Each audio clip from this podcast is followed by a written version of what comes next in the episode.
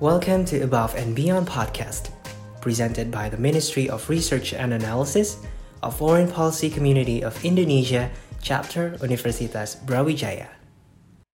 Halo Foreign Policy Enthusiast, kembali lagi bersama kita di Above and Beyond podcast episode keempat. Nah, setelah kemarin kita uh, udah ngebahas ya tentang death penalty yang merupakan salah satu isu yang cukup kontroversial gitu. Nah, di, untuk di episode kali ini kita akan membahas tentang sebuah strategi paling dasar gitu dalam hubungan antar negara. Apa sih itu? Ya, benar banget. Kali ini kita akan membawa topik mengenai diplomasi dengan tema Understanding Diplomacy. Jadi sebelum kita mulai, perkenalkan dulu nama saya Ahmad Dhani, biasa dipanggil Dhani. Uh, saat ini saya merupakan salah satu staff di Ministry of Research and Analysis, FPCI Chapter Universitas Brawijaya, yang akan berperan menjadi moderator dalam podcast kita kali ini. Nah, tidak, tidak lupa juga kita juga kedatangan Bapak Aziz Nurhayude sebagai narasumber spesial kita yang akan berbagi pengetahuan dan perspektif baru gitu sebagai pakar di bidang diplomasi. Nah, Foreign Policy Enthusiast saat ini Pak Aziz uh, sedang bertugas gitu sebagai wakil duta besar Republik Indonesia untuk uh, merangkap uh, Federasi Rusia dan juga Belarus. Nah, keren banget kan narasumber kita kali ini. Nah, Oke, langsung saja kita sapa narasumber kita. Halo Pak Aziz, bagaimana kabarnya hari ini? Halo, selamat pagi waktu Moskow. Kabar baik dari Moskow yang sudah mulai masuk musim gugur. Moga-moga teman-teman semuanya, para pengikut podcast, podcast kali ini sehat semuanya. Terima kasih Dani atas undangannya. Oke, nah mungkin Pak Aziz bisa uh, diri, uh, perkenalkan diri gitu uh, secara singkat ke audiens kita. Baik, baik dan terima kasih. Saya Aziz. Saat ini saya bertugas sebagai wakil duta besar Republik Indonesia untuk Federasi Rusia dan Republik Belarus. Dengan Dani, apalagi Dan yang mau dikenalkan? ya bisa uh, apa mungkin, saja gitu. Lagi sekarang tinggal di Rusia mungkin, uh, apa gitu. Gimana? Sekarang tinggal di Rusia tuh di kota apa gitu? oh oke okay, baik. Uh, saat ini saya sedang tinggal di kota Moskow, ibu kota Rusia, dan uh, saya sudah dua tahun bertugas uh, di Rusia uh, menyenangkan sekali ya bisa bertugas di tempat yang uh, eksotis dan tentu membuat banyak orang Indonesia penasaran dengan uh, Rusia saat ini seperti apa. Nah, ini kira-kira kira-kira perkenalannya seperti ini dan nanti kita ceritanya bisa lebih panjang lagi. Oke, nanti di bagian pertanyaan-pertanyaan ya untuk mengenai podcast ya. Oke, sebelum kita berdiskusi lebih lanjut, mungkin teman-teman foreign policy enthusiast masih agak awam nih dengan istilah diplomasi apa sih diplomasi itu? Nah, singkatnya ya uh, dari yang kita baca-baca, dari yang kita temukan gitu. Diplomasi itu sendiri merupakan keterampilan ya, sebuah keterampilan, sebuah art gitu, sebuah seni mempengaruhi sebuah kebijakan internasional melalui dialog, gitu, negosiasi dan upaya-upaya tanpa kekerasan lainnya. Nah, untuk diplomasi ini pastinya dilakukan antar negara ya atau organisasi internasional Nah, praktik diplomasi ini juga bukan ide baru ya dalam uh, relasi antar negara karena ternyata teknik diplomasi modern itu sudah ada gitu sejak abad ke-17. Nah, tentunya ya proses diplomasi ini tidak hanya sekedar uh, mengumpulkan perwakilan negara-negara, berdebat dalam perumusan sebuah kebijakan dan selesai gitu aja. Nah, karena setiap policy outcome atau hasil-hasil kebijakan yang dikeluarkan oleh proses diplomasi itu sendiri memiliki efek yang besar gitu bagi pihak-pihak yang terlibat. Nah, berangkat dari pentingnya ya khalayak umum untuk mengetahui apa sih diplomasi itu secara um, uh, secara umum sampai secara khusus. Episode uh, Above and Beyond podcast kali ini uh, kita akan membahas hal-hal penting dan seru tentang diplomasi. Oke, tanpa berlama-lama lagi langsung aja nih kita ngobrol-ngobrol bersama Pak Aziz. Oke, nah sebelumnya kita mulai aja deh dari sedikit sejarah gitu supaya paham gitu uh, audiens kita uh, diplomasi itu kapan sih dan uh, gimana gitu. Nah, karena udah panjang ya untuk uh, sejarah diplomasi itu sendiri, jadinya uh, mungkin bisa dijelasin gitu loh Pak Aziz. Uh, sejak kapan sih diplomasi itu mulai digunakan uh, sebagai cara membuka dialog antara pihak yang bersengketa? Baik, dan uh, diplomasi itu uh, berkembang dari masa ke masa. Ini yang harus di uh, underline teman-teman uh, semuanya ya. Uh, Dulu awalnya diplomasi itu kan pada zaman uh, Mesopotamia, kemudian uh, beranjak ke zaman Yunani kuno, kemudian berkembang lagi ke zaman Romawi kuno, kemudian zaman raja-raja, kemudian Westphalia, kemudian terus berkembang sampai saat ini ya. Jadi kalau kita menarik mundur sejarah diplomasi itu sudah ada sejak zaman dulu kala. Terutama awalnya ketika Raja Ramses II ya eh, meng, apa, melakukan kontak dengan raja eh, dari Hittite eh, ya dari raja mutawalis kalau kalau saya tidak salah itu pada zaman itu. Nah, sejarah itu sudah mencatat adanya diplomasi sejak zaman dahulu kala. Nah, jadi kalau kita berawal uh, gimana sejarah diplomasi, uh, kalau ditarik dari awal sekali itu zaman-zaman uh, itu dengan mulai pengiriman. Nah, pengiriman para wakil-wakil dari berbagai kerajaan. Oleh karena itu dan kalau diperhatikan nih, Eh, kalau kita lihat karena diplomasi itu berkembang dari masa ke masa, maka pada setiap masa dia meninggalkan sejarah. Pada setiap masa dia meninggalkan suatu eh, bukti-bukti. Nah, dan itu terus terus terjadi sampai saat ini bahkan ada beberapa yang masih kita lakukan. Misal pada zaman dulu eh, zaman kerajaan-kerajaan kuno ya di Eropa ini. Raja-raja itu ketika melakukan diplomasi dia adalah mengirimkan anggota-anggota kerajaan Nah, nomor satu itu sebagai wakil langsung dari para raja sebelum adanya negara-negara uh, ini. Jadi mereka masih zaman kerajaan-kerajaan itu. Oleh karena itu diplomasi ini uh, contohnya adalah satu mereka uh, menggunakan istilah saat ini yang mulia untuk seorang duta besar. Karena dulu ditarik zaman dulu-dulu adalah ini sejarah dari ketika para raja-raja itu mengirimkan keluarga kerajaan menjadi perwakilan dari raja-raja itu untuk eh, berhubungan dengan negara lainnya. Kemudian mereka menyerahkan suatu surat kepercayaan ya dari kepala negaranya eh, yang bernama yang disebut dengan letter of credence. Jadi setiap duta besar itu adalah sebelum mulai bertugas Eh, duta besar harus menyerahkan apa yang namanya letter of credence kepada kepala negara, yaitu surat yang menyatakan bahwa ini adalah wakil dari negaranya. Nah, itu baru resmi ini.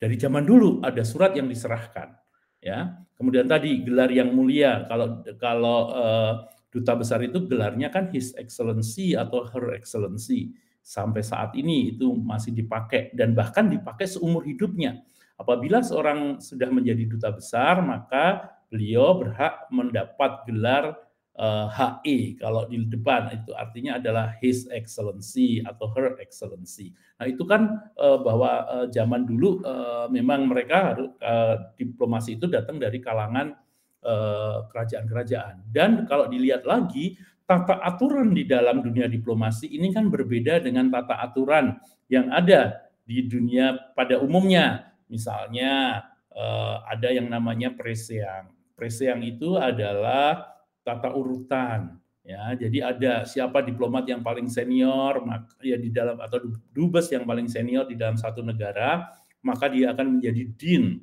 atau uh, ketua uh, para duta besar duta besar. Kemudian duduknya, duduknya tidak boleh sembarangan. Seorang diplomat itu duduk ketika kita duduk sudah ditentukan duduknya. Nah, siapa yang lebih senior, nah dan lain sebagainya dan lain sebagainya. Itu uh, menunjukkan adanya warisan-warisan uh, dari zaman dulu yang masih terus kita lakukan sampai saat ini. Nah, inilah uh, inilah perkembangan dunia diplomasi yang sampai saat ini masih terus terus terus terus terus kita kita lakukan ya bagi seorang diplomat itu penting karena kalau kita melanggar aturan-aturan Eh, protokol diplomasi itu, maka nanti akan terjadi apa yang namanya insiden. Ya, jadi bisa jadi uh, dua negara ini menjadi bermasalah ketika ada uh, aturan-aturan yang dilanggar. Nah, banyak sekali contoh misalnya lagi yang baru-baru ini. Ini kalau kita lihat, nih kita melebar ke mana-mana nih jadinya ya. Kalau misalnya ada ada suatu negara yang tidak puas atau sedang bermasalah dengan negara lainnya, bisa dong wakil negaranya, dubesnya dipanggil pulang. Nah, pasti tahu tanpa menyebut satu negara, pasti dengar, pasti tahu. Nah, hal, -hal seperti itu itu warisan-warisan dari zaman dulu.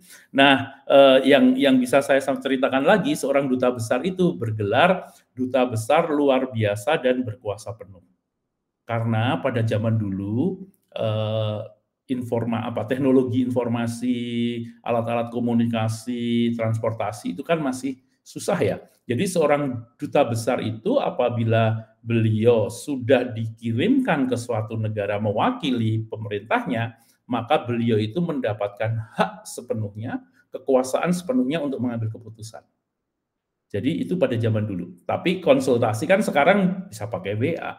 Kalau zaman dulu kan eh, nggak mungkin kan. Nah seperti itu dan itu eh, tadi cerita tentang eh, perkembangan diplomasi dan lain sebagainya. Oke, terima kasih Pak Aziz. Nah itu uh, kalau kita underline ya uh, tadi itu sudah dijelaskan, sudah ditegesin oleh Pak Aziz bahwa uh, diplomasi itu sudah berkembang ya dari masa ke masa, dari bahkan zaman-zaman masa kerajaan gitu, masa-masa hmm. masa-masa kuno gitu dalam kerajaan-kerajaan Mesir dan sebagainya gitu. Nah, iya dan juga beberapa juga dijelasin itu tentang letter of president, bagaimana uh, diplomat atau duta besar ya itu mengirimkan surat gitu semacam surat kepada pemimpin yang uh, akan mewakilinya atau yang akan diwakilinya gitu sebagai uh, bahwa mereka itu adalah sebuah uh, apa ya kayak seorang perwakilan yang akan menjadi ya untuk uh, berkunjung ke negara-negara lain dan sebagainya. Nah, ya itu juga ada beberapa poin-poin uh, inti misalnya seperti uh, diplomat itu uh, karena pada masa perkembangan teknologi informasi yang akhirnya mempermudah mereka semua untuk saling berhubungan gitu dengan diplomat dengan pemimpin dan sebagainya gitu. Ya itulah uh, dari jalan panjang sejarah diplomasi itu sendiri gitu. Sudah dijelaskan panjang lebar justru uh, meluas gitu pembahasan yang mengenai sejarah itu sendiri oleh Pak Aziz. Oke kita akan lanjut aja deh sekarang untuk uh, ke bagian macam-macam nih macam-macam diplomasi Nah, untuk uh, kita tahu kan ya bahwa proses diplomasi itu kan melibatkan dua negara atau lebih gitu untuk merumuskan kebijakan internasional tanpa melalui cara-cara kekerasan. Nah, mungkin sebagian foreign policy enthusiast sudah pernah mendengar nih mengenai jenis-jenis diplomasi tapi kurang familiar gitu. Nah, dengan definisi dari jenis-jenis diplomasi itu sendiri, kita mau dengar deh langsung dari Pak Aziz uh, sebenarnya ada berapa sih jenis diplomasi gitu? Dan fungsinya masing-masing itu uh, seperti apa saja? Dan misalnya Pak Aziz gitu lebih expert di bidang diplomasi apa gitu. Baik, uh, uh, dan. Sekali lagi yang saya sampaikan tadi ya, uh, diplomasi itu berkembang, tidak statis ya, ilmunya juga berkembang terus dari uh, dari suatu masa ke masa yang uh, berbeda. Nah, eh, pada awalnya diplomasi ini kan hanya bergerak untuk bidang politik ya, sejarahnya bidang politik. Nah, karena misalnya untuk menjaga hubungan biar eh, negara-negara yang eh, bertetangga itu tidak eh, saling berperang atau tidak saling mengklaim wilayah atau tidak ada eh, apa adu kekuatan eh, sehingga eh, apa namanya hubungan itu menjadi hubungan baik. Pertama tentu uh, menyangkut uh, uh, diplomasi itu menyangkut politik, kepentingan politik. Nah, yang kedua uh, yang juga tidak kalah penting yang mungkin juga penting penting untuk dipahami oleh teman-teman uh, semuanya foreign policy enthusiast itu uh, bahwa diplomasi itu dilakukan karena kepentingan nasional. Ya. Hmm, nah, kalau nanti membaca bukunya Morgenthau ya uh, politik among nations ya. Nah di situ disebutkan bahwa uh, diplomasi uh, itu uh, didasarkan oleh kepentingan nasional. Nah kita bisa lihat tuh uh, ketika kepentingan politik sudah sudah misalnya terpenuhi, maka uh, kepentingannya akan berkembang menjadi mungkin kepentingan ekonomi. Misalnya, oh mulai nih dagang, ya satu negara tidak memiliki barang yang kemudian negara eh, tetangga atau sahabatnya yang sudah menjalin hubungan diplomasi ini eh, kemudian eh, mulai berdagang ya. Nah, kemudian mulai nih bergerak lagi ke dunia yang lainnya, bergerak menjadi eh, kemudian wah kita harus saling mengenal nih. Nah, mulai dari seni budaya, nah bisa Uh, kemudian berkembang lagi nih jenis-jenisnya. Ini mengakibatkan kepentingan nasional ini mengakibatkan perkembangan diplomasi juga. Dan awalnya hanya pada pada uh, isu-isu politik, kemudian menjadi isu-isu ekonomi, isu sosial budaya, dan tentu ini kita lihat lagi perkembangan zaman lagi dan pada masa dulu mungkin belum mengenal uh, misalnya digital ya karena kemajuan teknologi informasi, kemajuan teknologi yang lainnya, komunikasi, maka mulailah muncul diplomasi digital.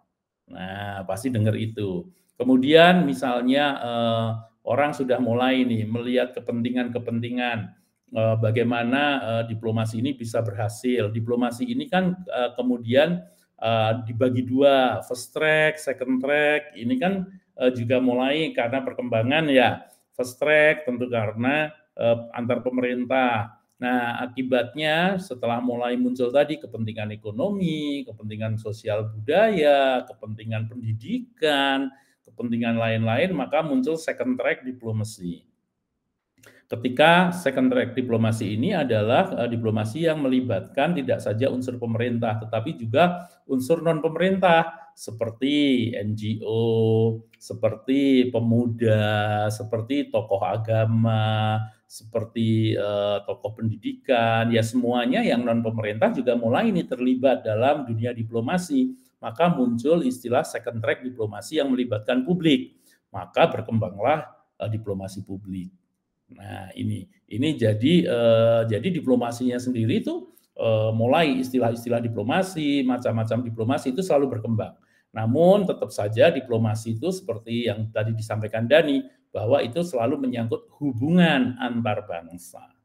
Ya, jadi kalau sudah menyangkut hubungan antar bangsa untuk kepentingan nasional, baik di bidang politik, ekonomi, sosial budaya, pendidikan, dan lain sebagainya, maka ini akan muncul jenis-jenis diplomasi. Artinya diplomasi menjadi lebih fokus.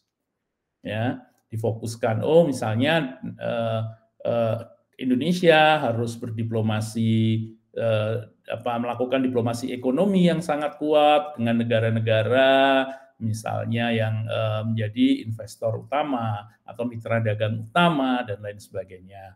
Beda lagi mungkin oh kepentingan kita dengan negara-negara tertentu lebih banyak uh, untuk memperkenalkan Indonesia karena mungkin mereka belum mengetahui Indonesia yang saat ini gitu ya Indonesia yang terupdate terkini. Maka uh, kita lakukan diplomasi publik yang menggunakan aktor-aktor non pemerintah uh, sebagai pelaku-pelaku diplomasi di suatu negara sehingga uh, negara itu kemudian paham tentang Indonesia kemudian publiknya mempengaruhi pemerintahnya untuk uh, memahami Indonesia dan mengambil keputusan yang tepat terkait hubungan antar bangsa, terkait hubungan antar Indonesia dengan negara tersebut. Nah, jadi ini uh, apa namanya uh, perkembangan diplomasi yang saya selalu tekankan bahwa itu selalu berkembang dari suatu masa ke masa. Mungkin nanti suatu ketika uh, di masa yang akan datang diplomasi ini uh, akan berkembang lagi sesuai dengan perkembangan zaman ya yang dulu seperti tadi saya sampaikan info teknologi kan belum belum terlalu maju ya. Jadi yang dikirim benar-benar orang. Nah, sekarang seperti kita ini coba ya dengan hanya masing-masing duduk bayangkan saja mungkin ada yang di Indonesia, ada yang di Rusia, kita duduk di tempat masing-masing, tapi kita bisa berkomunikasi. Nah, ini juga yang sudah dilakukan nih oleh teman-teman. Kami juga eh, hampir setiap hari melakukan pertemuan dengan mitra kerja kami di berbagai negara yang misalnya ada di Indonesia, dengan kami di sini, berbagai institusi, bahkan KBRI Rusia dengan mitra kerja di Rusia, di berbagai kota, kita juga menggunakan teknologi. Nah, berdiplomasi menggunakan teknologi. Jadi ini uh, uh, perkembangan diplomasi. Kalau jenis-jenis diplomasi, ya tadi ada first track ya, yang itu melibatkan uh, aktor negara, ada second track yang melibatkan aktor non negara. Nah, nanti di situ bisa kita lihat lagi uh, diplomasi publik di bidang pendidikan, diplomasi publik di bidang mungkin nanti uh, budaya dan itu anak muda. Jangan lupa kita uh, punya aset-aset diplomasi. Ini para uh, pendengar podcast ini juga aset diplomasi bagi Indonesia karena ini adalah anak muda. Nah, bagaimana kita bisa menggunakan anak-anak muda ini menjadi aset-aset pelaku-pelaku diplomasi publik. Nah, ini ini seru nih, seru dan ceritanya. Kalau kita bicara sekarang eh, macam-macam diplomasi ya, ya itu tadi ada first track, ada second track, kemudian ditambah kemunculan eh, berbagai hal, teknologi ini jadi wah sekarang diplomasi digital nih, keren nih ya bagaimana menggunakan digital sebagai pendukung diplomasi. Tapi ada satu hal bahwa diplomasi digital ini tidak akan bisa menggantikan diplomasi kontemporer atau diplomasi yang uh, sorry diplomasi yang kon, uh, konservatif, yang diplomasi yang yang uh, yang memang pada dasarnya adalah hubungan antar manusia itu tadi. Nah, Betul. Jadi ini tidak bisa menggantikan. Ini hanya melengkapi. Ini hanya melengkapi karena tidak bisa alat dan alat bertemu saja. Jadi harus ada mesinnya, mesinnya harus ada orangnya. Ya, nah orangnya inilah yang di, di, di akan melakukan pemikiran-pemikirannya, ide-idenya apa, kepentingannya apa gitu. Jadi diplomasi digital ini hanya akan melengkapi, ya, melengkapi diplomasi konvensional yang selama ini uh, uh, kita kita lakukan tidak bisa menggantikan alat-alat ini tidak akan mampu menggantikan hubungan antar manusia. Karena hubungan antar manusia itu kan ada eh, apa ya namanya eh, interpersonal relation ya kalau kita tidak pernah kenal tidak bisa bertemu nah dan lain sebagainya ini eh, akan berbeda hasilnya jadi Betul. perkembangannya oh seru nih kalau diikutin, diikutin dan uh, nanti pada generasi kalian wah akan lebih seru lagi nih ketika kalian menjadi diplomat-diplomat tantangannya akan berbeda dengan tantangan kami ya, apalagi uh, mungkin tantangan yang yang para senior kami pada masa lalu tantangannya berbeda dengan kami saat ini dan tentu masa depan uh, tantangan diplomasi akan berbeda kembali. Nah, ini kita harus menyiapkan nih calon-calon diplomat yang lebih handal dari kami-kami yang saat ini uh, sedang uh, bekerja sebagai diplomat. Nah ini tentu teman-teman uh, tertantang kan, uh, ini ini harus menjadi lebih baik daripada generasi diplomat yang sekarang. nah ini, ini kalau kita bicara macam-macam diplomasi, ke depan kita nggak tahu mungkin akan ada uh, diplomasi apa lagi yang akan berkembang ya. Saat ini diplomasi digital yang uh, yang uh, sedang seru-serunya, gitu dan. Iya.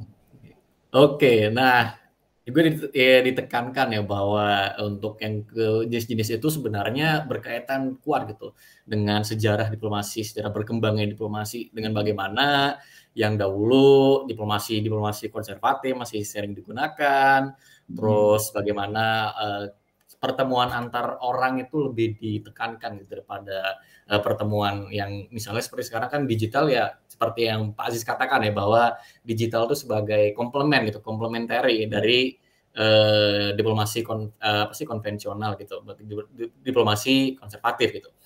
Jadinya uh, sebenarnya ya saya sepakat juga sih Pak, karena kan kadang kita tuh cenderung lebih percaya kalau kita sudah bertemu dengan orangnya langsung gitu daripada yeah. kita Betul. kayak misalnya uh, lewat dari meeting atau lewat online gitu ya kita bisa ngalamin juga dari mahasiswa pun kita ngerasa kalau kita tuh ya lebih enak gitu loh ketemu daripada kita lebih enak kita kenal kalau kita udah ketemu gitu daripada kita cuma uh, ngechat misalnya kalau misalnya kayak uh, ya sekarang kan zaman sekarang gitu kita fokusnya cuma uh, sosial media dan sebagainya jadi kita jarang ketemu dan akhirnya kita nggak bisa dapat impression yang pas gitu loh ke orang-orang tertentu. Nah itu juga berlaku gitu loh di tingkat diplomat gitu di tingkat diplomat bagaimana diplomat itu berusaha ya karena kan biasanya diplomat itu bisa gitu dilihat uh, bagaimana gestur tubuhnya itu apakah ini uh, dapat uh, dipercaya atau misalnya diinterpretasikan sebagai teman dan sebagainya. Nah seperti itulah uh, sebenarnya nggak jauh berbeda gitu dari apa yang kita lakukan dengan apa yang diplomat lakukan gitu di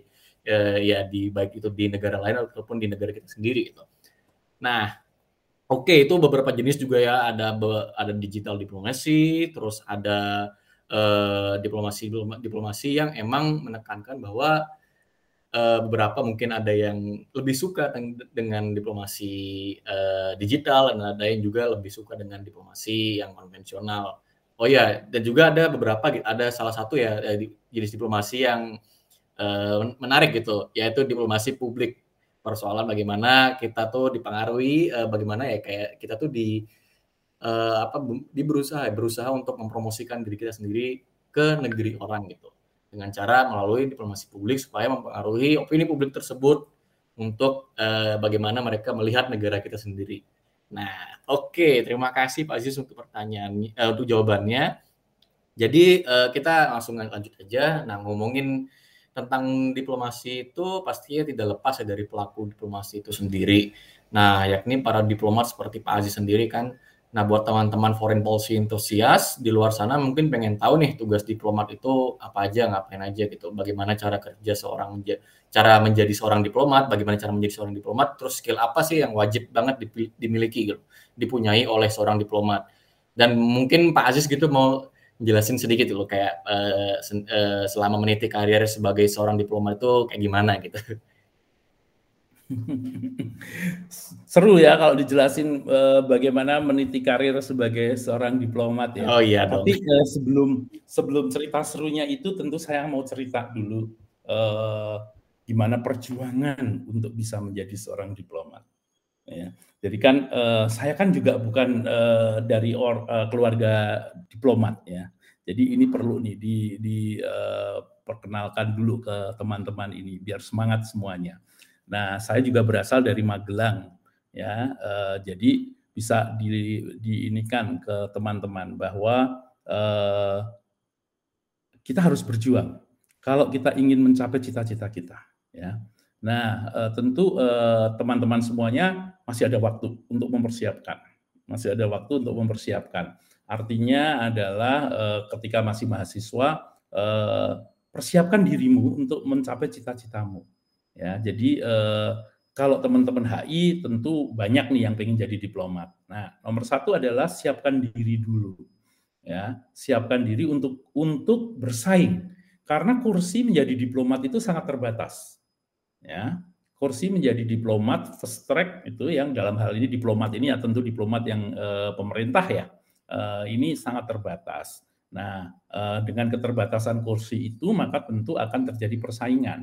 Nah jadilah yang terbaik menurut versimu gitu. Nah ini ini kamu siapin dulu apa sih tugas diplomat gitu tadi belajar dulu apa sih Ya kalau sekarang lebih gampang. Kalau zaman saya 30 tahun yang lalu masih nyari-nyari itu lewat koran, lewat ini. Nah, sekarang kan sudah bisa nih ada alat-alat alat-alat eh, apa komunikasi yang mudah ya. Nah, eh, pertama tentu lihat tugasnya apa. Eh, mewakili bangsa ini untuk eh, eh untuk ber apa namanya mencapai kepentingan dengan negara lain. Tentu di situ ada komunikasi ya kan tentu artinya adalah komunikasi dengan orang-orang atau diploma-diploma dari negara lain.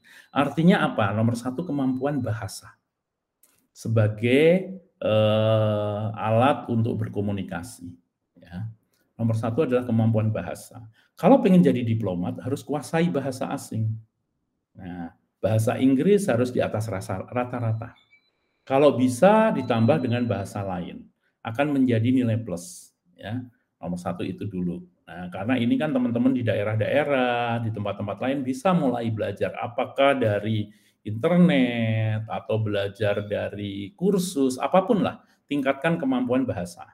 Ya, karena teman-teman di tempat-tempat lain mereka akan melakukan hal yang sama gitu. Tingkatkan kemampuan bahasa. Ya. Nomor dua pengetahuan umum gitu. Kalau ingin menjadi diplomat, tentu pengetahuan umumnya juga harus luas, harus membaca, membaca, membaca. Tiap hari ada hal yang berbeda. Apa yang terjadi di negara lain, ya kita. Apa yang terjadi di, di Indonesia. Nah, hari ini sedang apa yang terjadi di Indonesia. Tidak perlu sampai detail sampai semuanya ini, tapi uh, uh, dapat uh, poinnya itu apa sih yang terjadi. Nah, karena harus tahu, harus tahu, harus tahu banyak ya. Harus tahu banyak, harus tahu tentang apa yang terjadi di Afghanistan, kenapa yang apa terjadi seperti itu, apa yang baru terjadi di Jepang ada gempa, kenapa uh, apa yang terjadi misalnya di uh, di kampung kita, sekarang isu apa yang berkembang di seluruh dunia, jadi paham tentang vaksin, jadi paham tentang COVID, ya, Nah, tadi coba lihat tuh ada diplomasi vaksin sekarang, diplomasi kesehatan yang dulu tidak pernah dipikirkan kan. Masa sih ada diplomasi kesehatan. Nah, sekarang kan eh, itu dengan situasi saat ini ya. Jadi membaca, membaca, membaca, tambah ilmu, tambah ilmu, tambah ilmu, ya eh, biar kita bisa eh, apa ya mengupgrade, meningkatkan, level up. Wah, kalau bahasa sekarang itu level up eh, diri kita sendiri, ya kan dengan membaca.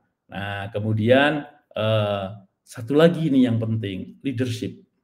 Nah, leadership ini penting bagi anak-anak muda yang ingin menjadi diplomat karena Eh, nanti pada saat praktek jadi diplomat itu ini sangat-sangat diperlukan. Kadang-kadang karena keterbatasan, gampangnya keterbatasan jumlah diplomat, diplomat junior ini bisa ditugaskan untuk memegang suatu hal yang sifatnya penting.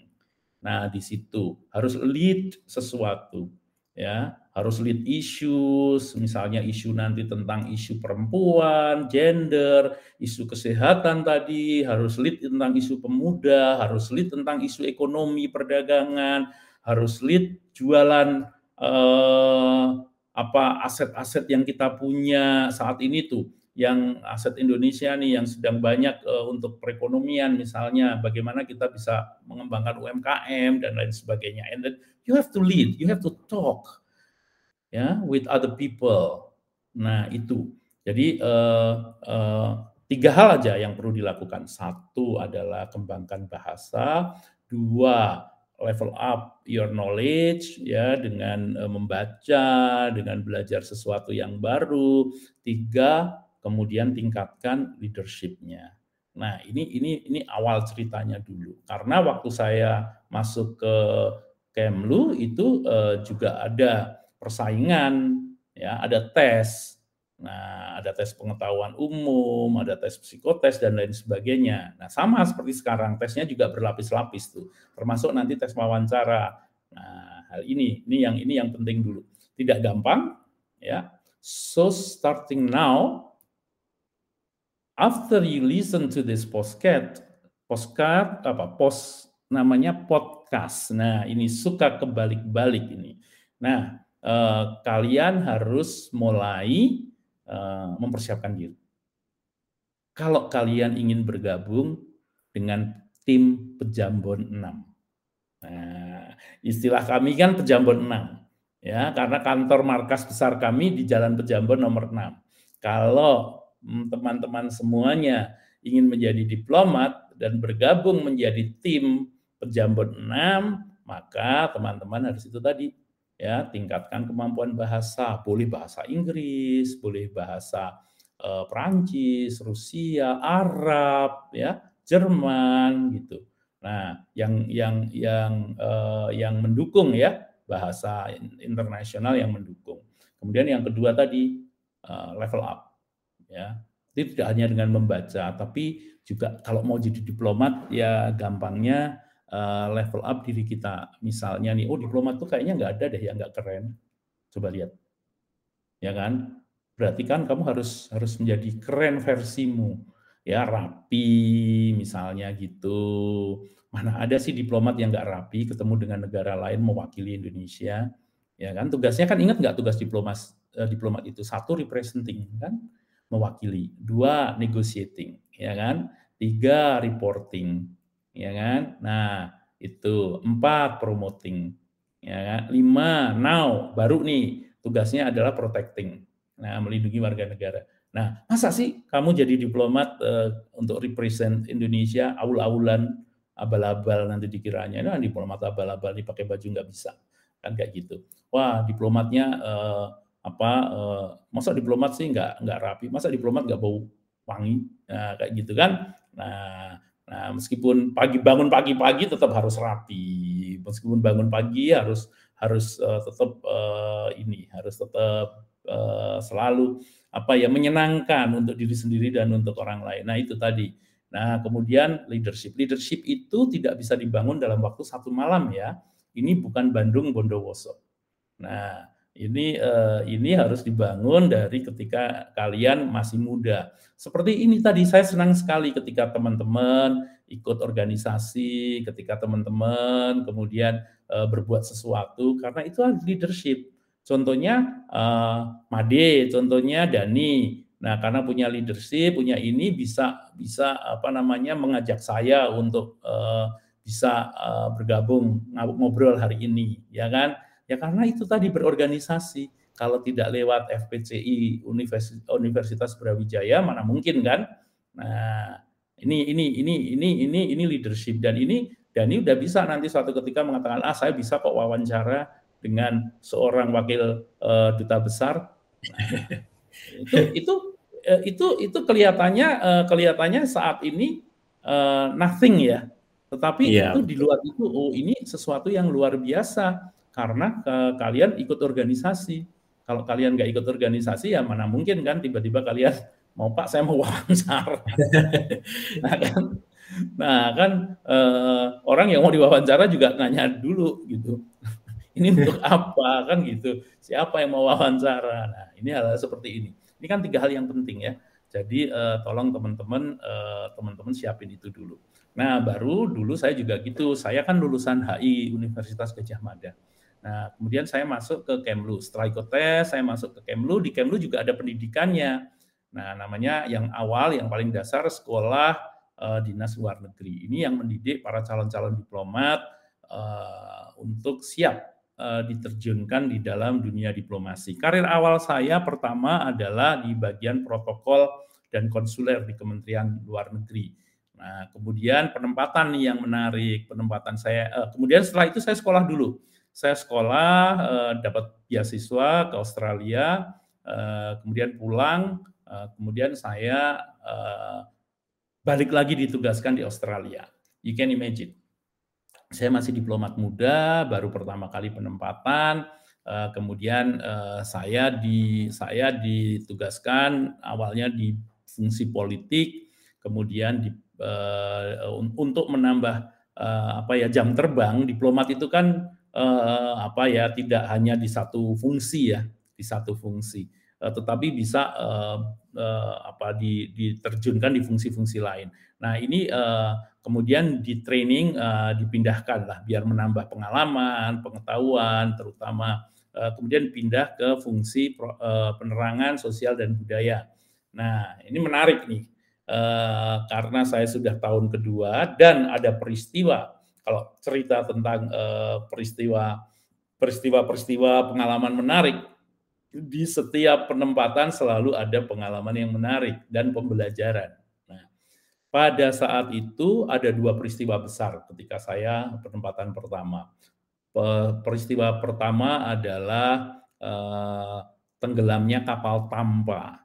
Itu kapal yang membawa para pengungsi dari negara-negara Asia Selatan Eh, secara, secara ilegal akan memasuki wilayah Australia. Mereka uh, sebagian berasal dari uh, Indonesia dan lain sebagainya ya. Itu yang pada saat itu menjadi isu besar adanya illegal imigran yang akan memasuki wilayah Australia dan tenggelam. Nah, ini uh, menjadi isu besar di uh, wilayah uh, Australia dan Indonesia pembelajaran yang saya dapatkan dari uh, duta besar saya, Bapak Sujatnan Parno Hadiningrat pada saat itu adalah bagaimana kita bisa membalik potensi konflik menjadi potensi kerjasama.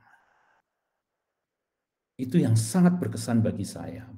Ya, uh, potensi konflik kalau kita mau konflik karena peristiwa itu kita bisa saja kita bisa saling menyalahkan, kita bisa saling berdebat, kita bisa saling menghentikan hubungan baik.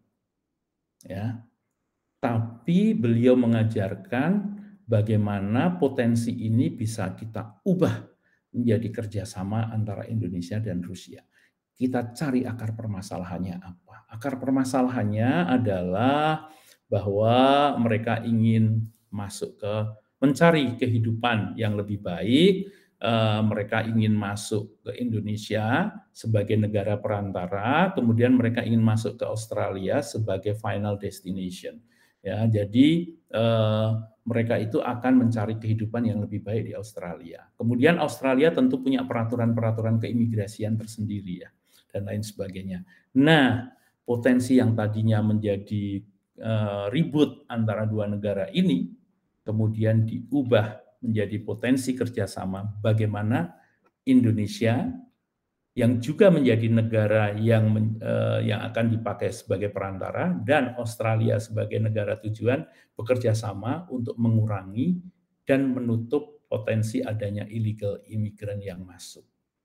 Nah ini, jadi kemudian muncul kerjasama di bidang uh, apa namanya penanganan uh, illegal immigrant itu. Kemudian membangun yang namanya detention center. Mungkin kalau kamu orang Nusa Tenggara pasti tahu di Kupang ya.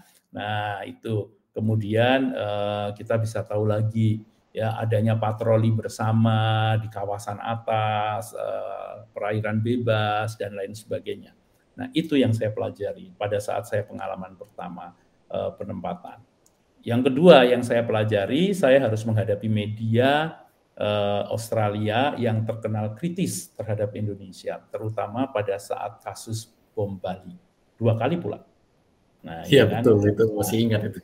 Nah, itu uh, bagaimana media-media ini uh, mengkritisi, bagaimana media ini memberitakan kasus bom Bali, bagaimana media ini uh, apa ya Eh, melihat sesuatu dengan cara yang berbeda. Nah, eh, kita juga sampaikan bahwa sebenarnya ketika ada bom Bali itu eh, itu bukan antara kita dengan Australia, tetapi antara teroris ya dengan manusia. Tidak peduli itu warga Australia, tidak peduli itu warga Indonesia, tidak peduli itu warga negara lain, karena kan ada korban-korban yang Eh, tidak saja warga negara Australia, tetapi juga warga negara Indonesia, kemudian juga ada warga negara lain. Maka yang kita eh, sekali lagi musuhnya bukan antar negara, tetapi ini adalah musuhnya adalah teroris. Oleh karena itu Indonesia dan Australia kemudian membangun nah eh, unit-unit untuk menangani teroris. Sampai sekarang masih terus berjalan kerjasama penanganan terorisme itu. Nah, itu itu bisa menjadi suatu pembelajaran bahwa potensi konflik diubah menjadi potensi kerjasama. Nah, ini karena antar dua negara. Nah, ini kan pengalaman yang pengalaman yang luar biasa ya, pembelajaran di uh, pembelajaran di uh, lapangan, pembelajaran di uh, negara di tempat kita bertugas. Kalau nanti cerita satu diplomat dengan diplomat yang lain pasti berbeda karena penugasannya berbeda negara, kasus yang muncul berbeda, apa yang ditangani berbeda. Ini menarik nih Dan. Jadi eh, eh, cerita saya ini hanya merupakan bagian kecil dari eh, tugas-tugas diplomat itu. Karena tentu kalau misalnya nanti ketemu dengan diplomat yang tugasnya di multilateral, tentu akan berbeda ceritanya di UN ya atau di regional. Misalnya yang menangani ASEAN, menangani APEC itu akan berbeda karena saya adalah diplomat yang lebih banyak uh, ditugaskan untuk menangani hubungan bilateral.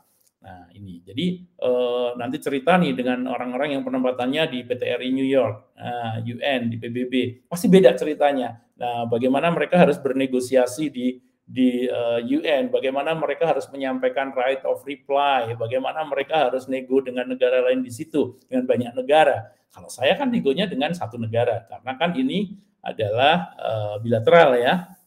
Jadi uh, nanti coba aja uh, uh, apa minta uh, ngobrol dengan diplomat yang dari UN, diplomat muda, how they work, how they how they deal with the issues ya. Nah, kemudian penempatan kedua saya di Republik Ceko di Praha. Ya, ini uh, saya sekali lagi menangani isu-isu uh, apa namanya penerangan sosial dan budaya. Nah, pada saat kami di Praha ini uh, memang uh, orang belum terlalu mengenal Praha. Jadi kami banyak uh, uh, mempromosikan uh, situasi sehingga menarik orang-orang untuk ayo orang Indonesia manfaatkan hubungan baik yang uh, sudah dilakukan uh, selama ini antara Indonesia dengan Ceko karena mereka belum paham pada saat itu. Itu masih tahun uh, 2007 ya. Jadi uh, sudah mau Ceko sudah mulai terbuka, kemudian uh, sudah mulai membuka uh, hubungan dengan banyak negara, gak, uh, transportasi masuk dan lain sebagainya gitu ya. Jadi kita harus memanfaatkan nih. Ini negara cantik, apa uh, pariwisatanya bagus, kita bisa belajar bagaimana kita bisa me, memanfaatkan aset-aset wisata kita agar bisa menarik pengunjung sedunia. Nah, di Praha ini saya juga banyak membangun hubungan tidak saja dengan uh, para pejabatnya, tetapi juga dengan uh, dunia pendidikan, kemudian dengan teman-teman uh, orang-orang uh, Ceko yang sampai saat ini uh, masih masih masih berjalan dan waktu saya tugas di sana juga banyak anak SMA nih ya yang uh, mau ikut MUN. Ya, oh, iya. Ya, biasanya, ya, jadi biasanya kan mereka mereka uh, minta pasti di briefing oleh KBRI ya orang anak-anak Ceko ini mereka uh, minta brief dari KBRI gitu. Nah tentu kita lakukan dan kita lakukan, tetapi saya selalu berpikir apa yang harus membedakan mereka dengan yang lain. Ya karena apa? You have to stand out of the crowd. Nah, yes, jadi uh, harus ada yang membedakan dengan yang lain pada saat mereka sidang mun, ya, sebelumnya kami dandani mereka dengan pakaian-pakaian tradisional Indonesia. Kamu bisa bayangkan, ini orang-orang asing, anak-anak SMA dengan muka-muka yang muka bule, putih-putih semuanya, mereka datang dengan berbagai baju daerah Indonesia dan kami antar dengan mobil dari KBRI.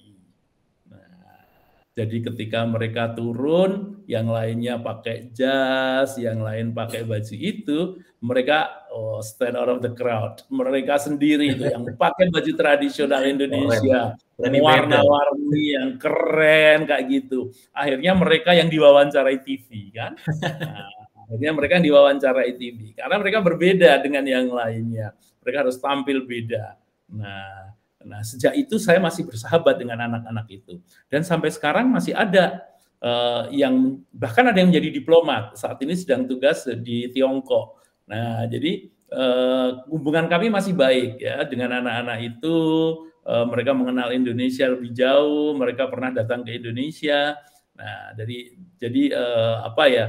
Uh, itu pengalaman-pengalaman yang menarik gitu ketika saya masih eh, penempatan kedua saya membangun hubungan itu dengan teman-teman mahasiswa yang saat ini mereka sudah menjadi diplomat juga jadi uh, keren seru dan apa ya ya that's what friends are for ya jadi uh, ketika kita punya teman wah asik nih. Nah, dan mereka masih keep in touch apalagi uh, sekarang lebih enak bisa dengan Instagram, bisa dengan Facebook ya, dengan medsos. Nah, WA WA kayak gitu. Nah, nah mereka mereka uh, masih masih hubungan baik. Nah, ketika ketika saya penempatan ketiga saya di Belanda uh, sebelum di Rusia ini. Kalau Belanda tentu uh, banyak warga negara Indonesia yang uh, berada di sana dan tentu kami banyak ber uh, ini ya berhubungan dengan teman-teman baik mahasiswa Indonesia yang rumah uh, jumlahnya ribuan kemudian uh, warga negara Indonesia yang menetap di Belanda. Nah, tentu juga uh, apa kegiatan-kegiatan lain ya dengan dengan uh, teman-teman di Belanda. Nah, ini ini menarik juga setelah kita lihat wah di Belanda ini seperti Indonesia yang bersih, Indonesia yang tertib gitu. Nah, karena banyak orang Indonesia, makanan Indonesia ada di mana-mana dan kita selalu hati-hati kalau kita berbicara dalam bahasa Indonesia di tempat-tempat umum karena banyak orang Belanda yang bisa bahasa Indonesia. Nah, ini nah jadi teman-teman ini juga perlu hati-hati kalau nanti pergi ke luar negeri. Sekarang banyak orang asing yang pintar bahasa Indonesia, yang pernah sekolah di Malang, pernah sekolah di mungkin di Bali dan lain sebagainya. Ya, jadi please ya ini ini uh, pengalaman nih karena kita juga uh, selalu uh, tiba-tiba ada orang Belanda yang menyeletuk aja dalam bahasa Indonesia bahwa mereka itu uh, paham bahasa Indonesia sampai ke slang-slang dan ngomongnya juga bisa lu gue begitu gitu. Nah, ini ini pengalaman yang pengalaman yang juga menarik ya di Belanda. Kita tahu sejarah kita, kita bisa belajar banyak hal. Nah, kita bisa bisa uh, mengembangkan hubungan yang sudah established sangat lama. Tapi uh, penempatan keempat yang sekarang ini tentu akan berbeda dengan penempatan-penempatan yang lain. Jadi teman-teman uh, setiap penempatan itu selalu membawa kisah, selalu membawa kenangan pembelajaran ya. Nah, di sini ini teman-teman, teman-teman kalau melihat Rusia jangan lagi melihat Rusia ini sebagai komunis karena Soviet Rusia beda. Rusia bukan lagi Uni Soviet, ya. Rusia adalah negara yang besar, pewaris Uni Soviet. Yes, it is. Ya. Tetapi kalau teman-teman datang ke Rusia, ke Moskow, ya, pasti teman-teman akan takjub. Satu, Moskow ini kota besar yang tidak kalah dengan negara-negara lainnya. Dua, Moskow ini aman. Ya, Uh, secara secara kriminal Moskow ini aman. Ada 170 ribu CCTV di mana-mana. Ya, tiga ya Moskow ini maju dan modern. Kalau mau lihat Moskow maju modern, kamu coba lihat dari sisi apa? Dari sisi uh, bangunan, ya di Old Moscow uh, itu ada bangunan-bangunan kuno, bangunan-bangunan tahun 20, tahun 1900-an yang di preserve, tidak boleh diubah bentuk luarnya, tidak boleh diubah sama sekali, tetapi harus dirawat. Tetapi di New Moscow itu gedung-gedung pencakar langit isinya bagus, nah, nah kemudian juga tinggi-tinggi. Bahkan kemarin saya habis dari eh, lantai 85, eh, ada restoran di lantai 85 itu tingginya 354 meter. Nah, Waduh. ya, jadi kita bisa bayangin aja itu melihat uh, melihat bangunan-bangunan modern ya di situ dan di, disatukan di satu area. Nah, kemudian kalau melihat transportasi, transportasi Moskow, coba lihat nanti teman-teman ya, coba lihat yang namanya uh, metro di kota Moskow ya, di bawah kereta bawah. itu cantiknya, itu stasiun-stasiunnya itu seperti museum, ya lampu-lampunya, ornamen-ornamennya itu seperti bukan berada di stasiun, tetapi berada di museum. Nah, itu coba coba nanti dilihat dari internet, pasti ada itu ya. Nah, itu salah satu objek wisata uh, uh, apa wisata metro. Nah, itu transportasinya nggak pernah telat ya dan murah. Kamu mau keliling kota Moskow pakai tren sepanjang uh, pakai metro dari bawah tanah itu ya sepanjang kamu tidak keluar itu hanya sekali tap kartu itu 40 uh, eh, rubels yang kira-kira itu 8.000 rupiah. Waduh, Jadi kamu bisa muter seharian ya ke berbagai stasiun, bisa jalan-jalan, nggak usah khawatir makan, ya karena di situ juga ada restoran-restoran di dalam di bawah gitu, ada restoran-restoran, ada jalan yang bagus, ada turis-turis, ada tempat-tempat yang menarik, ya itu tadi. Nah, dan metronya itu ada yang modern, ada metro yang kuno, gitu.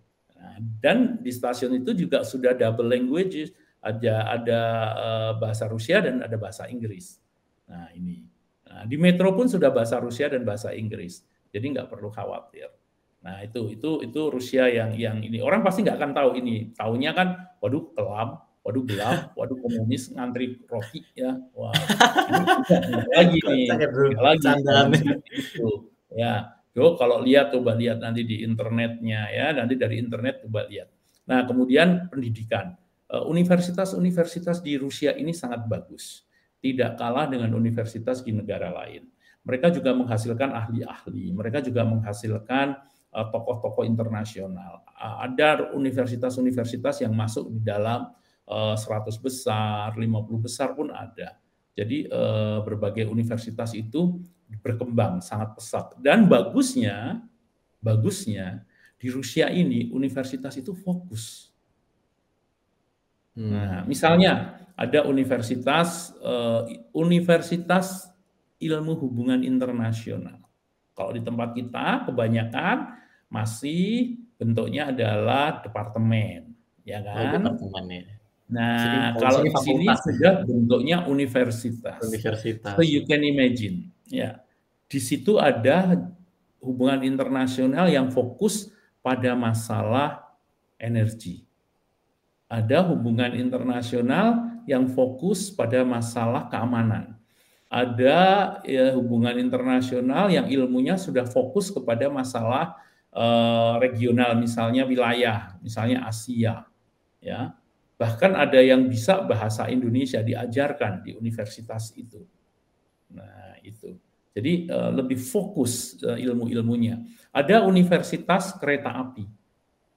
Hmm, keren. Nah, jadi kalau belajar universitas, kamu belajar di mana? Ini uh, kereta api. Nah mereka itu belajar dari struktur, belajar dari manajemen, belajar dari rel, belajar dari ininya macam-macam itu. Nah saat ini ada 708 mahasiswa Indonesia ya yang sedang belajar di Rusia, di seluruh Rusia loh. Uh, masih sedikit sih jumlahnya 708 mungkin sekarang juga udah berkurang karena ada yang ada yang sudah lulus ya. Kemudian tentu juga ada penambahan pengurangan yang karena ini belum bisa uh, semua masuk yang baru-baru. Jadi kita belum ada pendaftaran di kantor. Uh, jumlah pastinya berapa ini akan terus uh, naik turun. Tapi more or less data terakhir itu 708 nah ini mereka belajarnya uh, seru-seru nih nah yang yang ada yang khusus mempersiapkan untuk uh, jadi jadi uh, diplomat itu tadi. Nah, jangan heran kalau Menteri Luar Negeri Rusia belajar uh, ber, apa, lulus dari universitas itu. Duta besar Rusia yang ada di Indonesia, Ibu Lutmila, itu juga lulusan dari universitas itu. Nah, jadi bisa dibayangkan kan uh, diplomatnya juga ini. Dan ini saya cerita tentang penugasan saya yang sekarang, jadi membuka wawasan ya adik-adik iya. teman-teman itu. Banyak uh, jurusan HI ya, ada banyak mahasiswa Indonesia yang sedang belajar HI loh di sini, which mean it will be your competitor. Betul, Pak. Nah, coba first ya, pertama they speak Russian. Mereka sudah bisa bahasa Rusia. Iya kan? Yang lebihnya itu. Karena apa? Mereka wajib mengambil mata kuliahnya itu dalam bahasa Rusia mau nggak mau berarti harus bisa bahasa ya Rusia. kan? Mau nggak mau mereka harus bahasa Rusia. Dua mereka punya pengalaman internasional. Mereka bisa biasa bergaul dengan teman-teman dari berbagai negara. Ya kan? Karena kan yang masuk ke Rusia ini tidak hanya orang Rusia tapi mereka juga punya ah, ini mahasiswa asing dan lain sebagainya. Ya kan? Nah itu. Nah ini ini ini eh, mereka sudah punya experience living abroad yang mencetak kemandirian mereka. Hmm. ya Nah, kayak gitu-gitu. Nah, ini ini ini ini ini please consider it uh, untuk menambah semangat kalian belajar bagaimana menjadi diplomat kan persaingannya makin ketat. Ini baru yang di Rusia loh. Ntar banyak lagi negara-negara lain. Ya, belum lagi yang belajar di Amerika, di Inggris, di Belanda. Oke, okay. tapi nggak perlu patah semangat. Ya, everybody is unique. Itu iya, betul. Jadi uh, kembangkan. Ya, level up, level up, level up. Itu kan selalu ada itu. Uh, to remind your own untuk menyemangati kalau lagi males-malesan, aduh inget-inget satu kata nih, aduh I have to level up my own self. Ya, jadi harus harus ningkatin gimana enggak nanti pengen jadi diplomat, pengen tinggal di luar negeri, pengen mewakili bangsa Indonesia. Tapi kalau ada uh, persaingan yang ketat, saya juga harus siap gitu kan. Nah ini tuh pendidikan di Rusia bagus ya. Nah, sekarang kita juga banyak nih sebagai diplomat di Rusia, urusan saya karena saya sekarang menjadi wakil duta besar tidak hanya satu isu ya, tetapi isu-isu yang lainnya juga uh, harus saya wakili. Antara lain satu isu politik ya. Isu politik uh, untuk Indonesia Rusia kan tidak ada tidak ada isu penting yang yang uh, harus diselesaikan ya, tidak ada sengketa tadi, tidak ada permasalahan. Yang ada adalah bagaimana meningkatkan isu-isu politik itu menjadi suatu kerjasama. Ya, misalnya uh, isu antar kerjasama antar parlemen, kerjasama antar uh, apa uh, pertahanan, ya. Bagaimana kerjasama antar uh, apa di di, uh, di UN saling mendukung pencalonan dan lain sebagainya.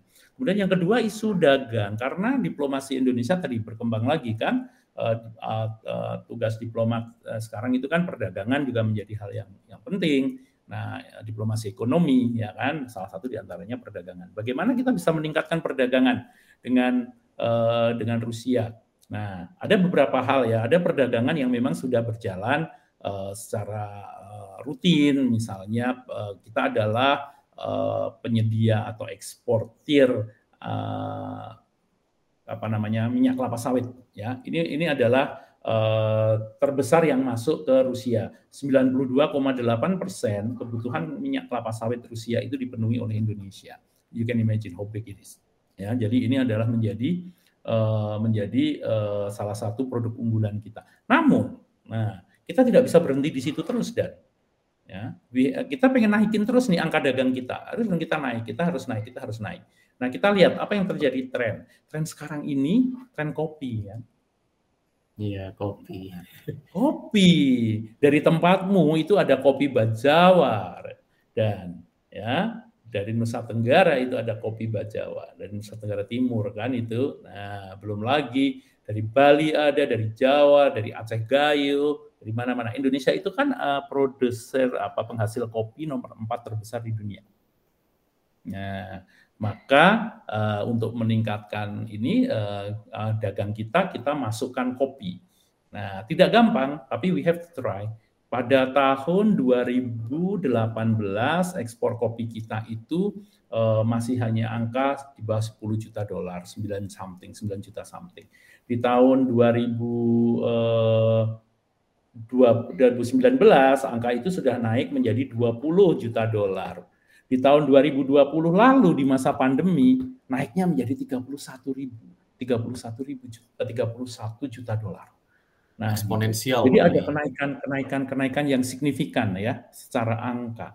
Kenapa? We do, we did it gitu. Karena kita uh, melakukan promosi. Ingat, salah satu tugas dari diplomat adalah promoting promoting ya kan. Ya, Nah, jadi kita promosikan itu kopi kita. Oh, kopi kita ini terenak sedunia. Oke, Brasil, Vietnam, uh, pesaing kopi kita. But kopi kita punya cita rasa yang berbeda karena kopi kita tumbuh di wilayah vulkano.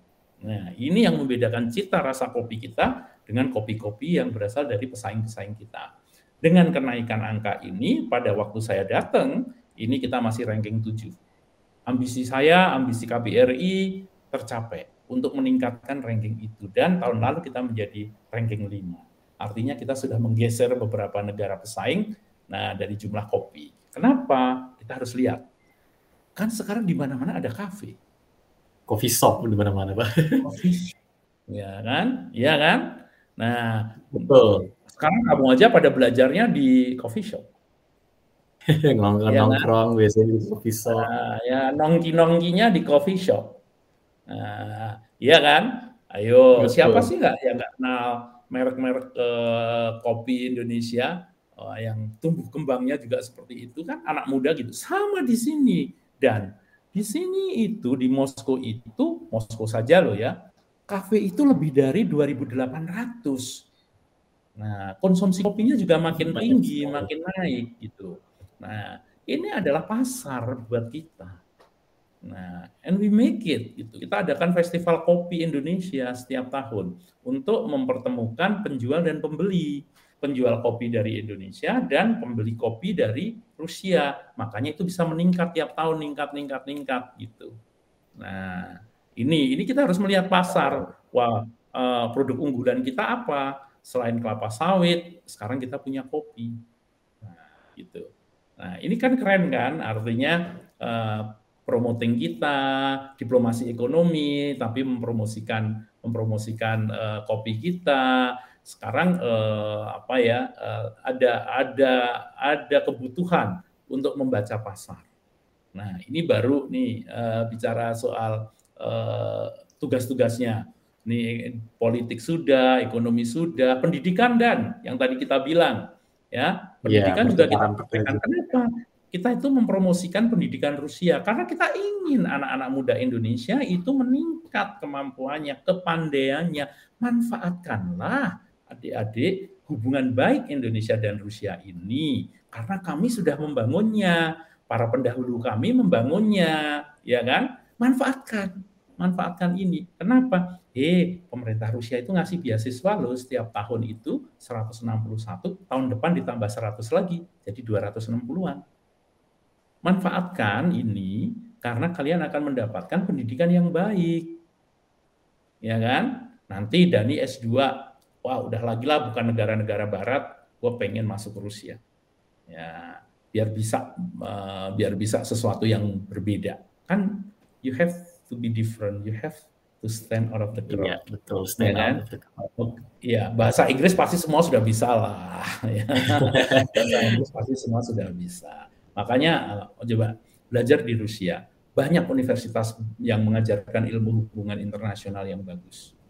Nah, hmm, jadi uh, why not gitu ya? Bahkan kami ini dari sisi pendidikan karena kita melihat pentingnya pendidikan di Rusia, kami sekarang sudah mempunyai atas pendidikan yang baru dimulai tahun ini. Nah, dengan beasiswa yang 161 itu tahun ini pendaftarnya sudah mencapai pendaftar ya 8.000 orang anak-anak Indonesia yang mendaftar berebut beasiswa 161 ini. Nah ini, nah, ini artinya apa? Orang sudah mulai terbuka wawasannya tentang Rusia. Ya. Nah ini, ini kan penting ini. Kami lakukan diplomasi, artinya apa? Kami juga minta tambahan, bukan sekedar kita minta. Kita juga memberi kok ke Rusia, jangan khawatir. Kita juga kasih beasiswa seni budaya, kita kasih beasiswa dharma siswa, kita kasih beasiswa KNB. Jadi kita tidak tangannya uh, uh, di bawah, kita juga tangannya di atas. So equal, ya, sama, resiprokal bahwa kita juga dikasih beasiswa, kita juga ngasih beasiswa. Jadi gitu. Nah, jadi kita bukan bangsa yang minta-minta lagi, kita bangsa yang memberi. Nah, gitu. Nah, jadi teman-teman eh, nanti bisa manfaatkan nih eh, beasiswa untuk belajar apa pun di Rusia ini. Kedokterannya oke, eh, tekniknya apalagi, HI-nya bagus, ya. Eh, mereka fokus-fokus tuh belajarnya tuh. Nah, ini ini akan akan akan akan menjadi tambahan pengetahuan kan kalau mendengarkan podcastnya Dani. Keren. Iya, betul. Jadinya, Jadi uh, ada ada masukan, ya ada masukan, ada informasi. Rusia. Ya bahasa Rusia nanti bisa belajar dari YouTube dulu, bisa belajar uh, dari internet ya. Nah nanti uh, nanti bisa kursus bahasa Rusia. Nah nanti bisa sekolah di Rusia. Ini dari tugas yang uh, saya lakukan ya. Ada ekonomi, ada pendidikan, ada uh, apa mem memperkenalkan budaya Indonesia kalau dilihat uh, itu uh, anak-anak Rusia, anak-anak muda Rusia sudah bisa belajar tari Indonesia. Kami sudah tampil loh dua kali, satu di depan presiden, pernah juga anak-anak Rusia uh, ini bule-bule Rusia ini yang menari tampil di depan Ibu Menteri, tampil di depan Bapak Presiden, itu sudah pernah. Nah, jadi sudah sudah uh, masih dilakukan juga diplomasi budaya ya. Juga perlindungan kita di sini uh, juga ada warga negara Indonesia Jumlahnya tidak sebanyak dengan yang lain-lainnya, termasuk mahasiswa, jumlahnya hanya 1.200 lebih sedikit. Ya, jadi nggak nggak terlalu dibanding dengan negara-negara tetangga, Australia, banyak banget tuh. Itu 1.200 itu baru mahasiswa doang kali atau malah lebih. Mahasiswanya lebih banyak sekali. Nah, di sini ada ada mahasiswa, ada ekspatriat, ada pegawai, ada ada pekerja migran Indonesia Nah, jumlahnya segitu. Jadi di Rusia ini uh, saya mendapatkan pengalaman baru yang uh, merubah uh, pandangan terkait Rusia dan uh, encourage teman-teman untuk bisa memanfaatkan hubungan baik yang sudah dilakukan untuk bisa mendapatkan itu tadi kepentingan nasional lagi kembali ke teori kepentingan nasional kan? Bahwa hubungan baik ini harus bisa dimanfaatkan untuk kepentingan nasional in any kind of uh, disiplin bisa dari uh, politik, ekonomi, ya, pendidikan, sosial budaya, nah apa pun lah. Nah ini ini seru nih karena ini negara baru termasuk pariwisata. Ya kalau datang ke Moskow uh, pasti lihat pertama wow besar, wow bersih gitu ya. Bersih nih dibanding negara-negara ini lagi yang di Rusia gitu. maju. Ya what so maju itu uh, ini ini jauh lebih bersih nih tramnya wangi ya. Oh ini uh, metronya bersih ini. Nggak ada gelandangan dan. Dan nggak ada tuh. Nggak ada. ada homeless. Nggak uh, ada di di sini. Jadi memang pemerintahnya bagus menangani hal, -hal seperti itu ya jadi uh, ya ya ya you, you try it moga-moga nanti bisa jadi dubes kalian bisa yeah. bisa jadi diplomat dan bisa merasakan perbedaan tinggal di berbagai negara ya. Cuma satu yang yang mungkin harus disiapin dinginnya. oh iya dingin, betul ini. Di sini itu uh, Moskow itu bisa mencapai minus 30. 30. Waduh. Dan kulkas yang kamu buka itu lebih hangat dibanding udara di luar. Iya, saya ingat cuma 18 minus 18 malah yang kalau di kulkas yang paling yang biasa yang dingin. Ya, ya gitu. Jadi uh, minus 18 sih masih oke okay ya. di Siberia bisa minus 50. Waduh, waduh, nggak kuat itu kalau nggak kuat dingin harus coba-coba dulu berarti iya. dingin dingin Malang, dingin dingin. Iya, bajunya bisa rangkap empat. iya ya. Apalagi dan yang mau diobrolin nih. Oh iya ya. Tadi kan sudah banyak banget tuh ya dari uh, apa ya kayak jelasin gimana sih yang penting kayak misalnya uh, kita harus memahami bahasa Inggris, bahasa asing juga itu sebagai nilai tambah, terus kita harus level up pengetahuan umum, ya kita usahakan bagaimana kita tuh ya stand out of the crowd lah. Jadi kita berusaha berbeda gitu. Terus juga kita tuh ya seperti yang uh, ini ya yang paling penting itu leadership gitu. Ya mungkin pendengar-pendengar podcast uh, para foreign policy enthusiast nih uh, sedang berkarir gitu ya di organisasi mana pun gitu. Ya itu sudah termasuk salah satu proses ya. Proses buat menuju ke uh, leadership gitu. Bagaimana misalnya ada beberapa dari pendengar mungkin dari foreign policy enthusiast yang pengen jadi diplomat, terserah mau diplomat Inggris, diplomat untuk uh, Rusia apalagi dan sebagainya gitu. Ya dan juga berapa ya diceritain tuh oleh Pak Aziz bagaimana uh, penempatan-penempatan itu bakal ada ceritanya masing-masing gitu. Ada yang diplomat-diplomat juga kan punya beda-beda ya. Bagaimana nanti kita ya kita dengar penjelasan ceritanya Pak Aziz itu jadi kita terinspirasi itu pengen jadi diplomat untuk membuat cerita sendiri gitu yang tidak sama dengan Aziz gitu nah kayak gitu jadi yang berbeda yang rasanya berbeda yang pengalaman-pengalaman sendiri seperti itu nah kita pengen ngobrolin lagi deh uh, karena sudah lumayan uh, banyak banget tuh dan uh, meluas sampai kepada bagaimana kerjasama antara Rusia dengan Indonesia itu berjalan, terutama uh, Rusia. Uh, oh ya, Pak Aziz tadi sebut tentang kopi apa ya. Jadi gimana yeah, yeah. Indonesia itu punya salah satu komoditas utama yaitu kopi di Rusia gitu. Dan di Rusia tuh bahkan ya persoalan kopi di sana tuh kopi-kopi di Indonesia gimana Pak di sana tuh ada nggak kayak misalnya uh, kafe tapi jualnya kopi Indonesia gitu? Jadi gini nih, kita kan kerjasama dengan kafe-kafe yang ada di sini ya. Nah, uh, selain mereka uh, teman-teman dari Indonesia itu menjual kopi langsung ke importir, kita juga mempunyai teman-teman kafe yang mempromosikan kopi-kopi Indonesia. Jadi kalau misalnya kita uh, ada travel cafe, dia jual kopi itu udah ada tulisannya uh, Sumatera kopi dari Indonesia ada kopi uh, itu tadi Aceh Gayo, ya, ada kopi yang dari daerah-daerah yang ada di Indonesia. Nah itu uh, mereka taruh di gerai-gerainya. Nah jadi mereka tinggal lihat ini karena kan kita kopi di sini bersaing dengan kopi Vietnam, kopi Ethiopia, kopi Brazil, ya. Nah tapi kopi Indonesia ini dikenal paling enak karena uh, kopi Indonesia ini uh, itu tadi cita rasanya berbeda. Dan ada satu cerita kopi kan kopi luwak yang ini tidak ada di negara ya, mana pun. Bagaimana luwak ini memilih kopi-kopi yang terbaik ya? Yang yang sudah matang yang terbaik dan bagaimana petani kopi uh, yang menggunakan luwak ini pilihan-pilihan kopinya gitu. Dan ini bisa menjadi cerita. When you tell the story ya. Jadi uh, orang akan tertarik antara mau mencoba dan antara geli-geli gimana gitu. Tapi rasanya enak sekali dan mahal gitu.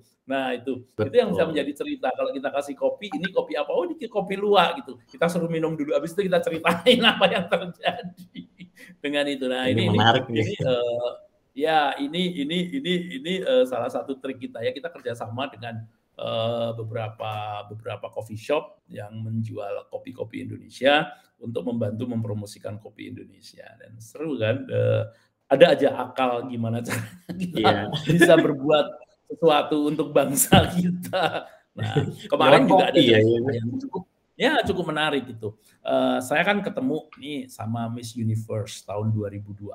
Uh, Oksana Fedorova yang sangat spektakuler apa ya namanya sangat uh, legendaris lah orang-orang Indonesia yang agak-agak uh, senior pasti tahu Oksana. Nah, dan dia cantik sekali, dia punya banyak yayasan, dia aktif di berbagai di berbagai uh, kegiatan dari penyiar TV, dia juga punya foundation untuk anak-anak dan lain sebagainya. Saya uh, ketemu, ngobrol dan kita kembangkan uh, gimana ide-ide baru untuk dia bisa membantu kita mempromosikan Indonesia. Karena kan pariwisata Indonesia harus kita kembangkan ya. Uh, ada 10 uh, apa new 10 new Bali 10 tempat wisata selain Bali itu. Bali sudah sangat populer. Jadi kita harus mempromosikan eh, tempat-tempat wisata yang lainnya. Nah, kita sampaikan ke Oksana, Oksana. Kita punya ini, punya itu. Nah, kita ini dia bantu kita, kita ajak kerjasama dan lain sebagainya dan jawabannya positif. Tapi eh, sebelum ketika saya ketemu dengan Oksana, saya sudah punya bekal Bekal itu pertama tentu bahan obrolan ya. Jangan sampai kita ketemu orang kalau Miss Universe ya you can you can imagine pasti dia pinter dan dia kan uh, juga anchor, dia juga bergerak di bidang masing-masing. Jadi kita harus bawa uh, satu itu adalah bekal pengetahuan, obrolan. Biar tidak lima menit terus bye, ya kan? Kita bisa yeah. ngobrol sampai satu jam lebih sambil makan, ketawa, ketawa gitu. Tapi ketika kita ketemu, uh, saya sudah bawa bekal waktu pertama kali dia ditanya sama karena kita ketemu di restoran. Pertama kali dia ditanya sama waiters dia mau minum apa? Jawabannya teh. You know what I did? Aku tanya, Oksana, uh, kamu suka minum teh? Iya, saya bawakan kamu teh. Saya sudah bawa dua teh dari Indonesia. Ya, dua teh yang khas dari Indonesia. Oh, dia surprise gitu kan. Nah, dia surprise gitu. Nah, udah saya kasih dua teh, kita ngobrol macam-macam, cerita tentang kopi. Kemudian saya juga nanya, oh kopi, oh kamu pernah nggak ngerasain kopi Indonesia? Pernah, saya pernah ke Indonesia, saya pernah ngerasain kopi Indonesia. Kalau kangen kopi Indonesia, kami bawakan kopi. Nah, saya bawakan dia kopi. Jadi sudah ada teh, ada kopi. Nah, seru ngobrol-ngobrol-ngobrol. Karena kami berbaju batik, terus kemudian eh, dia juga cerita tentang batik, kita sampaikan kita juga punya batik buat kamu. Jadi dia tuh selalu kena surprise, nah di prank kalau kita kali. gitu. Ya bahasa yang ngeprank gitu. Iya, iya. Jadi kita harus punya akal kayak gitu kan. Nah, kita kasih dia. At the end dia senang sekali dan dia sangat positif dan siap untuk membantu eh, apa namanya bekerja sama dengan KBRI eh, Moskow untuk promosi Indonesia terutama bidang pariwisata. Nah, dia bisa kita minta tolong kan karena jaringannya luas gitu. Nah, ini uh, yang menjadi proses adalah bagaimana kita bisa kenal dengan seorang Oksana Fedorova. Nah, ini kan yang harus kita yang harus kita uh, lihat gitu ya. Ya seorang diplomat itu harus bisa ke mana-mana. Seorang diplomat harus punya jaringan yang luas. Ya, seorang diplomat harus uh, bergaul gitu. Nah, jadi seru. Kalau lihat di Instagram saya, foto saya dengan dia gitu ya, dan uh, banyak iya, komen. Oh, udah pernah saya lihat itu. ya, nah itu kayak gitu ya kan. Ada teh, ada kopi, ada batik yang dia pakai untuk shellnya. Nah kan seru ya. Jadi proses itu. Kalau menjadi diplomat uh, dari dari itu ya harus harus bisa bergaul gitu. Tidak hanya uh, jago main di dalam gitu, tetapi main iya. di luar kita harus kenal ini, kita harus kenal itu. Ya, alhamdulillahnya teman-teman saya di sini juga tidak hanya teman-teman uh, Indonesia ya, jadi saya kenal pengusaha, saya kenal uh, itu tadi uh, orang aktivis, saya kenal uh, dosen, saya kenal banyak orang lah yang harus kita kenal dan harus kita jaga hubungannya. Ya, yang penting itu kan selain kenal uh, hobi uh, apa ya me, menjaga hubungan baik kita dengan teman-teman kita Nah, saya dengan Dani aja masih kontak-kontak ya, apalagi sekarang kan iya. murah. Ya, ada WA, ada Facebook, ada uh, medsos lah yang untuk terus untuk uh, menjalin silaturahim tetapi dengan ini yang murah gitu ya. Tapi uh, dengan mereka tentu kita harus harus teman-teman kita ya kita harus memberi kalau pergi ke mana-mana kita bawa batik, kita bawa itu tadi kopi, kita bawa apa pun souvenir kecil tapi yang yang mencirikan uh, apa tanda mata lah ya kalau ini uh, bahwa itu dari kita. Nah itu itu itu yang seru tadi sampai cerita ke mana tadi kita sudah sampai cerita ke situ. seru seru. Oke. Iya. Uh, Jadi hmm. itu ya uh, para uh, foreign policy enthusiast kita juga ya uh, meskipun terlihat sepele gitu kopi, tapi ternyata itu yang menjadi komunitas utama gitu antara kerjasama uh, Indonesia dengan Rusia gitu. Oh iya, ini sebagai ini sih Pak uh, untuk pertanyaan penutup gitu. Sekarang uh, kan mungkin dari para pendengar ingat ya kalau Pak Aziz itu merupakan wakil duta besar yang merangkap Federasi Rusia dan Belarus. Nah, kenapa ada merangkapnya gitu loh Pak? Nah, itu yang isi, itu yang ingin kita tahu. Okay. Kenapa Belarus justru ya kenapa dirangkap gitu? Bisa dijelasin? Oke, satu. Oke, okay, oke, okay, baik.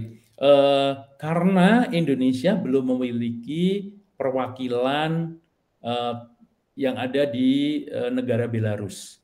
Jadi kita belum mempunyai kedutaan uh, di negara itu. Nah, jadi di beberapa negara yang kita belum mempunyai kedutaan, kita uh, merangkap ya uh, dari satu negara tertentu.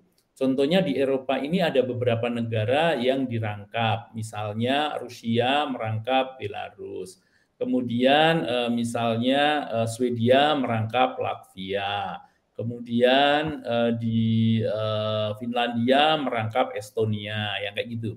Nah, negara ini tidak berarti tidak penting, gitu tetapi eh, kita kan juga mempunyai keterbatasan seperti tadi itu, keterbatasan anggaran, keterbatasan dari eh, SDM yang seperti itu ya, yang eh, yang mengakibatkan kita belum menempatkan duta besar kita di negara-negara tersebut. Tetapi hubungannya sangat baik.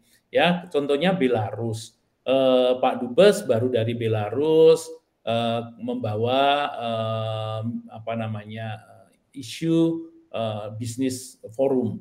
Jadi mempertemukan para pebisnis dari Indonesia dan pebisnis dari Belarus. Akhir bulan juga akan kembali ke Belarus karena akan ada kunjungan dari eh, apa namanya beberapa pengusaha yang akan bekerja sama di beberapa sektor eh, dengan Belarus sektor energi, sektor pupuk, dan lain sebagainya. Nah, kemudian eh, atas pendidikan juga eh, mempersiapkan eh, kerjasamanya yang lebih erat dengan universitas di Belarus. Intinya sih itu. Jadi eh, rangkapan itu eh, biasanya dilakukan karena kita belum memiliki perwakilan di negara tersebut. Tapi hubungan kita baik. Ya, jadi uh, kita me, masih menempatkan uh, duta besarnya di negara lain, tetapi duta besar itu juga menangani kerjasama uh, hubungan diplomatik dengan negara yang dirangkap. Kebetulan Rusia merangkap uh, Belarus dan uh, kami secara rutin tetap uh, berkomunikasi dengan pihak-pihak Belarus baik maupun melalui uh, teknologi ya maupun melalui surat menyurat maupun mendatangi Eh, negara tersebut untuk langsung berkegiatan. Nah itu. Iya, oke. Terima kasih Pak Aziz. Jadi sebenarnya eh, kita Indonesia dengan Belarus tuh bukan tidak ada hubungan diplomatik, diplomatik gitu Pak ya. Tapi karena emang hmm. ada keterbatasan tertentu yang akhirnya merangkap gitu. Oke, yeah. saya soalnya uh, bertanya-tanya gitu kok kok ngerangkap? gitu loh. Kayak kok kok bisa uh, Belarus ikut-ikutan? gitu loh. Jadi uh, apa sih salah satu uh, perwakilan gitu. Oh ternyata uh, ini ada keterbatasan keterbatasan uh, sendiri gitu di setiap negara yang akhirnya dirangkap. Dan bukan hmm. berarti itu Indonesia dengan negara yang bersangkutan tidak memiliki hubungan diplomatik secara resmi Ya, oke, okay, terima kasih itu mencerahkan juga buat saya soalnya Pak. saya bertanyakan kayak uh, bingung juga gitu soal kenapa ya ada rangkap-rangkap seperti itu. Nah, gimana nih foreign policy enthusiast dari hasil ngobrol-ngobrol kita? Kan banyak sekali nih wawasan, info-info yang bermanfaat yang bisa saya sendiri dan teman-teman foreign policy enthusiast ambil ya. Jadi sebenarnya kita dapat simpulkan sih dari awal sampai akhir kita berbicara persoalan diplomasi, kita tuh sebenarnya uh, bisa ya melakukan diplomasi itu kapan aja gitu. Kita uh, di mana aja itu bisa mengawali apa yang kita sebut sebagai uh, diplomasi gitu. Kita ngobrol dengan orang lain, cara berbicara kita juga kita udah dihitung sebagai diplomasi gitu. Bagaimana lawan bicara kita itu memahami gitu. maksud dari kita, apa yang kita ingin bicarakan dan sebagainya gitu. Jadi dari daily life aja tuh sudah bisa termasuk di, dihitung dari diplomasi ya Pak. Dari daily life sampai kepada yang mau resmi-resmi pun ya seperti Pak Aziz ini kan langsung gitu loh kayak langsung uh, mengimplementasikan gitu loh kayak uh, cara berbicara uh, seorang diplomat seperti apa dan sebagainya gitu. Oke, mungkin sebelum kita akhiri ya episode keempat podcast kita kali ini, uh, saya pengen persilakan gitu Pak Aziz uh, untuk menyampaikan gitu closing statement dari diskusi kita. Silakan Pak, mulai. Terima kasih Dan. Saya nggak akan menyampaikan statement, saya hanya akan menyampaikan tantangan. Oke, saya terima ya. tantangannya Pak. Diterima tantangannya ya teman-teman semuanya. Satu kata saja, sampai jumpa di Pejambon 6. Oke, keren sekali itu tantangannya. Itu sudah satu kata aja itu sudah langsung mendorong semua untuk pengen jadi diplomat. Iya dong. Iya, pokoknya nanti ketemunya di Pejambon 6.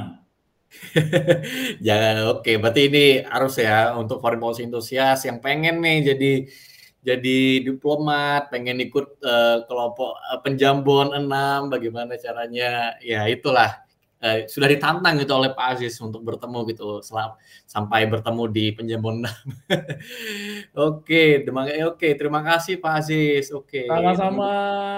Jaga kesehatan semuanya ya. Iya. Salam sehat dari Moskow sekali lagi. salam, salam hangat tapi dingin. Jumpa di Pejambon 6. Ya. Oke.